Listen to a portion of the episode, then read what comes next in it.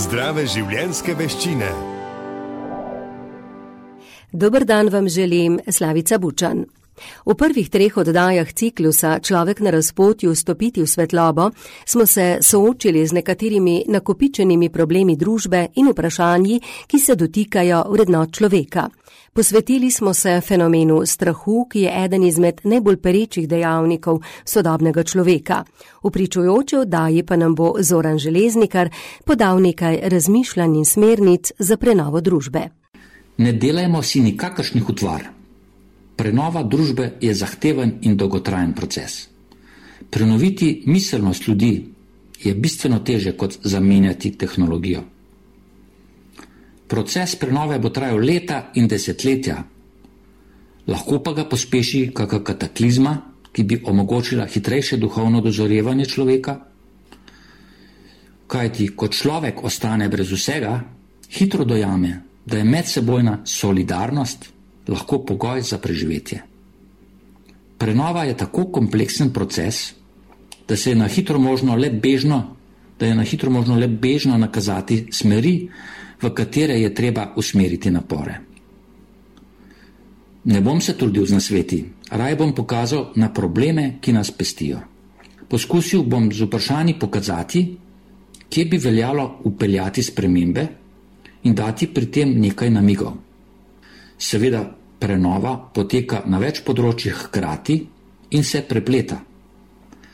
Najprej se vprašajmo, ali je potreben odmik od sedanjega možno izpeljati brez družbene katarze oziroma očiščenja družbe. To pomeni pri posamezniku povzročiti odmik od sebičnosti, pohlepa, agresivnosti. To pomeni kot najviše vrednote ustoličiti človeško dostojanstvo, svobodno življenje, sočutje, poštenost, pomeni dati prednost skupnim ciljem pred osebnimi cilji.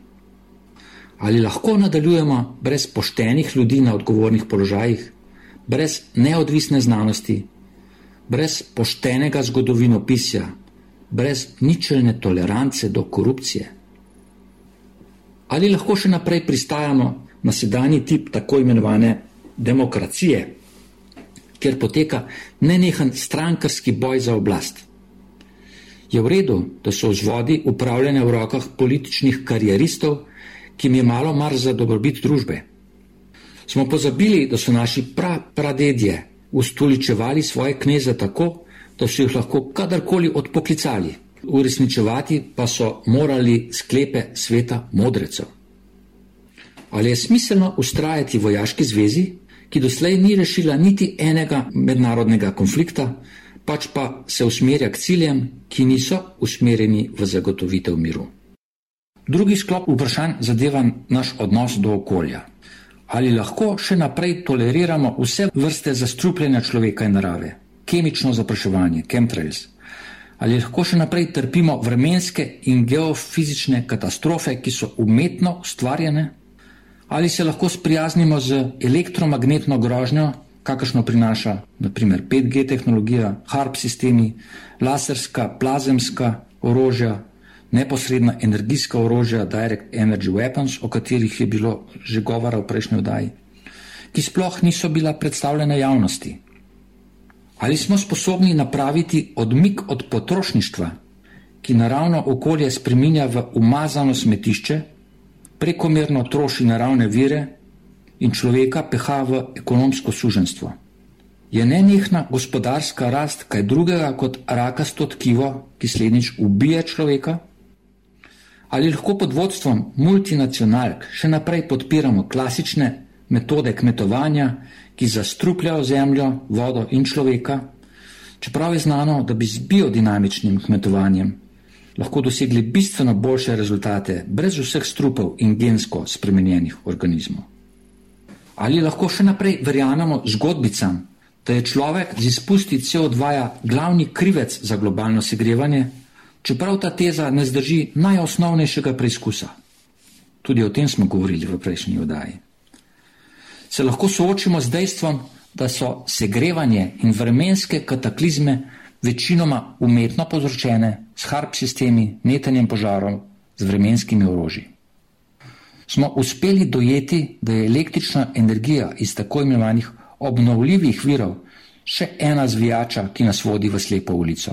Zakaj ne bi uporabili tehnologije črpanja elektrike iz atmosfere, iz proste energije etra, oziroma zero point energy, kot se temu reče, kar je propagiral že Nikola Tesla? Ukinjanje fosilnih goriv brez napredne tehnologije za pridobivanje energije je le še ena od zvijač, ki nas potiskajo v vse večje stiske. Kdor si domišlja, da je možno govoriti o suverenosti naroda brez suverenosti na področju financ in davkov, brez samooskrbnosti na različnih področjih, predvsem na področju proizvodne hrane in energije, ta dela račun brez krčmarja. Očitno je, da smo bili, govorim o celotnem planetu, potisnjeni v ekonomsko suženstvo zaradi absurdnega zadolževanja, ki je naprtilo nacionalnim gospodarstvom neuzdržno težko breme. Iz zgodovine poznamo primere, ko so manjše družbe z izdajo paralelnega denarja v kratkem času napravile fantastičen napredek. Zato, ker je denar resnično služil ljudem in ne bankirjem. Obdržati kontrolo nad denarjem in bankami v svojih rokah je ključnega pomena za nacionalno ekonomijo. Obstajajo družbe, kjer je obrestovanje denarja in s tem veliki dobički posameznikov prepovedano. Dobro vemo, kdo kontrolira tok denarja, kontrolira politiko in vse gospodarstvo in tudi življenje prebivalstva. Področje financiranja posameznih delov družbe je problem, ki ga v novejši zgodovini še ni uspelo zadovoljivo rešiti nobeni državni tvorbi. Politika si pridržuje svobodo, da samovoljno odloča, koliko denarja bo šlo za kulturo, za znanost, za izobraževanje in podobno. Antropozof Rudolf Steiner je že pred stoletjem predstavil koncept socialnega tričlenstva, ki ta problem ustrezno rešuje. Gre za koncept, pri katerem v gospodarstvu sledijo načelu bratstva, sodelovanja, v politiki in pravu načelu enakosti vseh ljudi, v kulturi, znanosti, izobraževanju in religiji pa svobodi. Svoboda, ki bi morala vladati na področju duha, na področju izobraževanja, na področju znanosti, zdaj izkoriščajo v svoj prid politiki. Pri iskanju boljših družbenih rešitev bi se resnično lahko naslonili na modrost naših prapradedov iz časa ustoličevanja slovenskih knezov. Služenje interesom ljudstva in neposameznikov ter odpoklic tistih, ki temu ne sledijo, je temeljno načelo, ki bi moralo biti v celoti spoštovano. Poglejmo na področje medicine. Ni težko opaziti, da je dan danes človek veliko bolj podvržen številnim boleznim kot nekoč. Medicina je podrejena diktatu farmacevtskih velikanov. Ali smo se morda vprašali, kakšne gigantske dobičke so kovali farmacevtski koncerni v času zadnje pandemije? Ali smo seznanjeni z dejstvom, o tem mediji, ki so v rokah globalistov, seveda ne poročajo, da je po cepljenju presežna smrtnost v večini držav sveta skokovito narasla. Ali lahko verjamemo cepivom, za katera nam ne razkrijajo, kaj se v njih sploh nahaja? Bomo dovolili, da nam Svetovna zdravstvena organizacija ne samo preprečuje odločati o lastnem telesu, temveč nam usiljuje pravila življenja, ki krepko zajedajo v človekovo dostojanstvo in svobodo. Je to, da se podvržemo nenehnemu cepljenju, res najboljši način za utrjevanje našega zdravja? Kje je skrb za preventivo, za krepitev naravne odpornosti človeškega telesa? Ali lahko zaupamo medicini, ki skrbi predvsem za to, da bi bil človek nenehen pacijent in njena neprestana stranka? Bomo še naprej dovolili, da medicina preprečuje prodajo cele vrste zelo učinkovitih naravnih zdravil in preparatov, ki so bili temelj zdravja naših babic in detkov? Nadalje se lahko vprašamo, zakaj medicina ne sproži neodvisnih raziskav o vplivih elektromagnetnega sevanja na človeško telo. Ali dejstvo, da bodo mikrovalovne pečice prežale na nas na vsakem koraku, mirno prezremo, je to v redu? In ne nazadnje, bomo mirno gledali, kako medicina sploh ne reagira ob tem, da nam skušajo prodajati sintetično meso iz žužkov, čeprav je znano, da hitin škoduje človeškemu telesu. In bistveno vprašanje, ali še velja ustrajati v svetovni zdravstveni organizaciji, ki skuša odkrito vzpostaviti svetovno medicinsko diktaturo in izbrisati suverenost držav. Otroci naj bi bili naše največje bogatstvo. Pa so res? Poglejmo, kaj se z njimi dogaja, oziroma dovolimo, da se z njimi dogaja.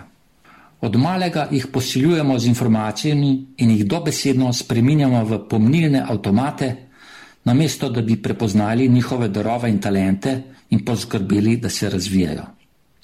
Kako bomo poskrbeli, da se otroci razvijajo v samozavestna, ustvarjalna bitja? Zakaj jim preprečujemo razmišljati svojo glavo in zaviramo njihov naravni razvoj s popolnoma neustreznimi metodami in z obilico elektronskih sredstev, ki otroke še dodatno pohabljajo? O tem, kako uničujoče deluje digitalna tehnologija na razvoj otroka, je bilo na tem radiju že veliko povedanega. Pa se je že kaj premaknilo tudi v praksi? V šolah, za zdaj še v tujini, pritiskajo na učitelje, da podajo nesmiselne, celo absurdne teme, naprimer o možnem odločanju otroka o spremembi svojega spola, o masturbaciji, prezgodnem spolnem življenju in podobno. Bomo res dovolili, da se združijo naravni principi in načela, ki so veljali tisočletja in so temelj človeške identitete? Lahko se vprašamo, kje v šolskih programih otroka poučijo, da je človek v prvi vrsti zavestno, duhovno bitje, ki ima poslanstvo, da se razvije v čutečo, sočutno, plemenito in ustvarjalno osebnost. Kje jim povedo, da je osnovna življenjska naloga v prvi vrsti skrb za svoj duhovni razvoj, za skupno dobro in blagostanje? Kako si predstavljamo, da bo nova družba napredovali v smeri duhovnih vrednot, če pa otroke vzgajamo v popolni materializem? Ne govorim o vzgoji za religijo, govorim o tem, da mora človek v sebi prepoznati plemenito božansko bistvo, o katerem smo že govorili. Ali ne govori tudi sveto pismo o tem, da smo ustvarjeni po božji podobi? Torej se vprašamo, kako se bomo spopadli s tem perečim problemom sedanje civilizacije, to je z zaslepljenostjo z materialističnim svetovnim nazorom. Na Zahodu je popolnoma prevladal. Človek se s tem iz živega bitja spremeni v snovni predmet, v nepopolno fizično telo, ki je izpostavljeno celi vrsti omejitev, v nasprotju z dušo, ki je nesnovna in brezčasna. Sploh si ne predstavljamo, kakšna krnitev človeka je to. Ne zavedamo se, da v sanjah nenehno vstopamo v duhovni svet, ki je naš dom, dom duše. Kako drugačen bi bil svet, če bi se človek otresel smrtnega strahu s poznanjem, da smrt ni dokončen konec, ampak le dogodek v življenju nesmrtne duše, prehod v drugo razsežnost bivanja. Po tem le napornem naštevanju neprijetnih vprašanj, pred katerimi bi narajale zbežali, se vprašamo še zadnje.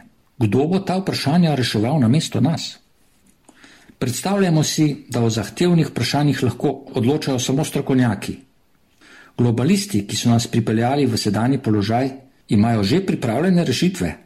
Te bodo na prvi pogled videti pravšnje, kasneje pa bi se izkazali za nove, še usodnejše pasti, s katerimi želijo peljati človeka v popolno razčlovečenje, v transhumanizem, spreminjanje človeka v stroj. Tako opevana digitalizacija, ki naj bi izvlekla človeštvo iz številnih zagad, je ena takšnih prikritih pasti. Z digitalnim denarjem ki bi ne imel alternative v gotovini, bi bil uveden popoln nadzor in tudi omogočena blokada sleharnega plačila, ki ne bi bilo pogodu nadzornikom. Poznamo razmere na kitajskem, socialne kredite, ki pomenijo ukinitev osebne svobode. Bomo šli mi po podobni poti? Nadalje je tu umetna inteligenca, bomo dovolili, da nas pahnejo v še hujšo nemoč in odvisnost od brezčutnih strojev. Ko nam bo odzeta možnost dela, bomo zadovoljni s pogojvano miloščino v obliki univerzalnega temeljnega dohodka, ki ga upevajo in kažejo kot odlično rešitev. V tej oddaji smo se le dotaknili številnih vprašanj, ki zahtevajo resen razmislek in iskanje rešitev, ki nikakor ne bodo všeč vsem. Številni, ki se imajo za elito, si bodo prizadevali ohraniti staro, ki jim omogoča ohraniti privilegiran položaj. Toda zloraba položaja in koruptivnost nimata mesta v nobeni napredni družbi. Mislim, da je od vsega najvažnejše ohraniti vero v dobro in se zavedati, da je ljubezen najmočnejša sila v vesolju. Doslej smo menili, da vsa zahtevna vprašanja lahko rešujejo le strokovnjaki. In poglejte, kam so nas pripeljali. Poskrbeli so predvsem zase.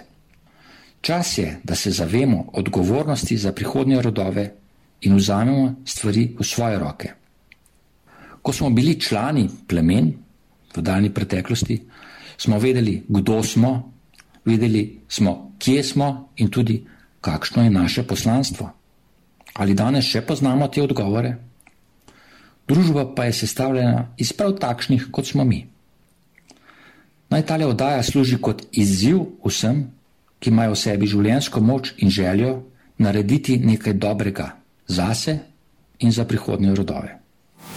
Poslušali ste oddajo Zdrave življenjske veščine.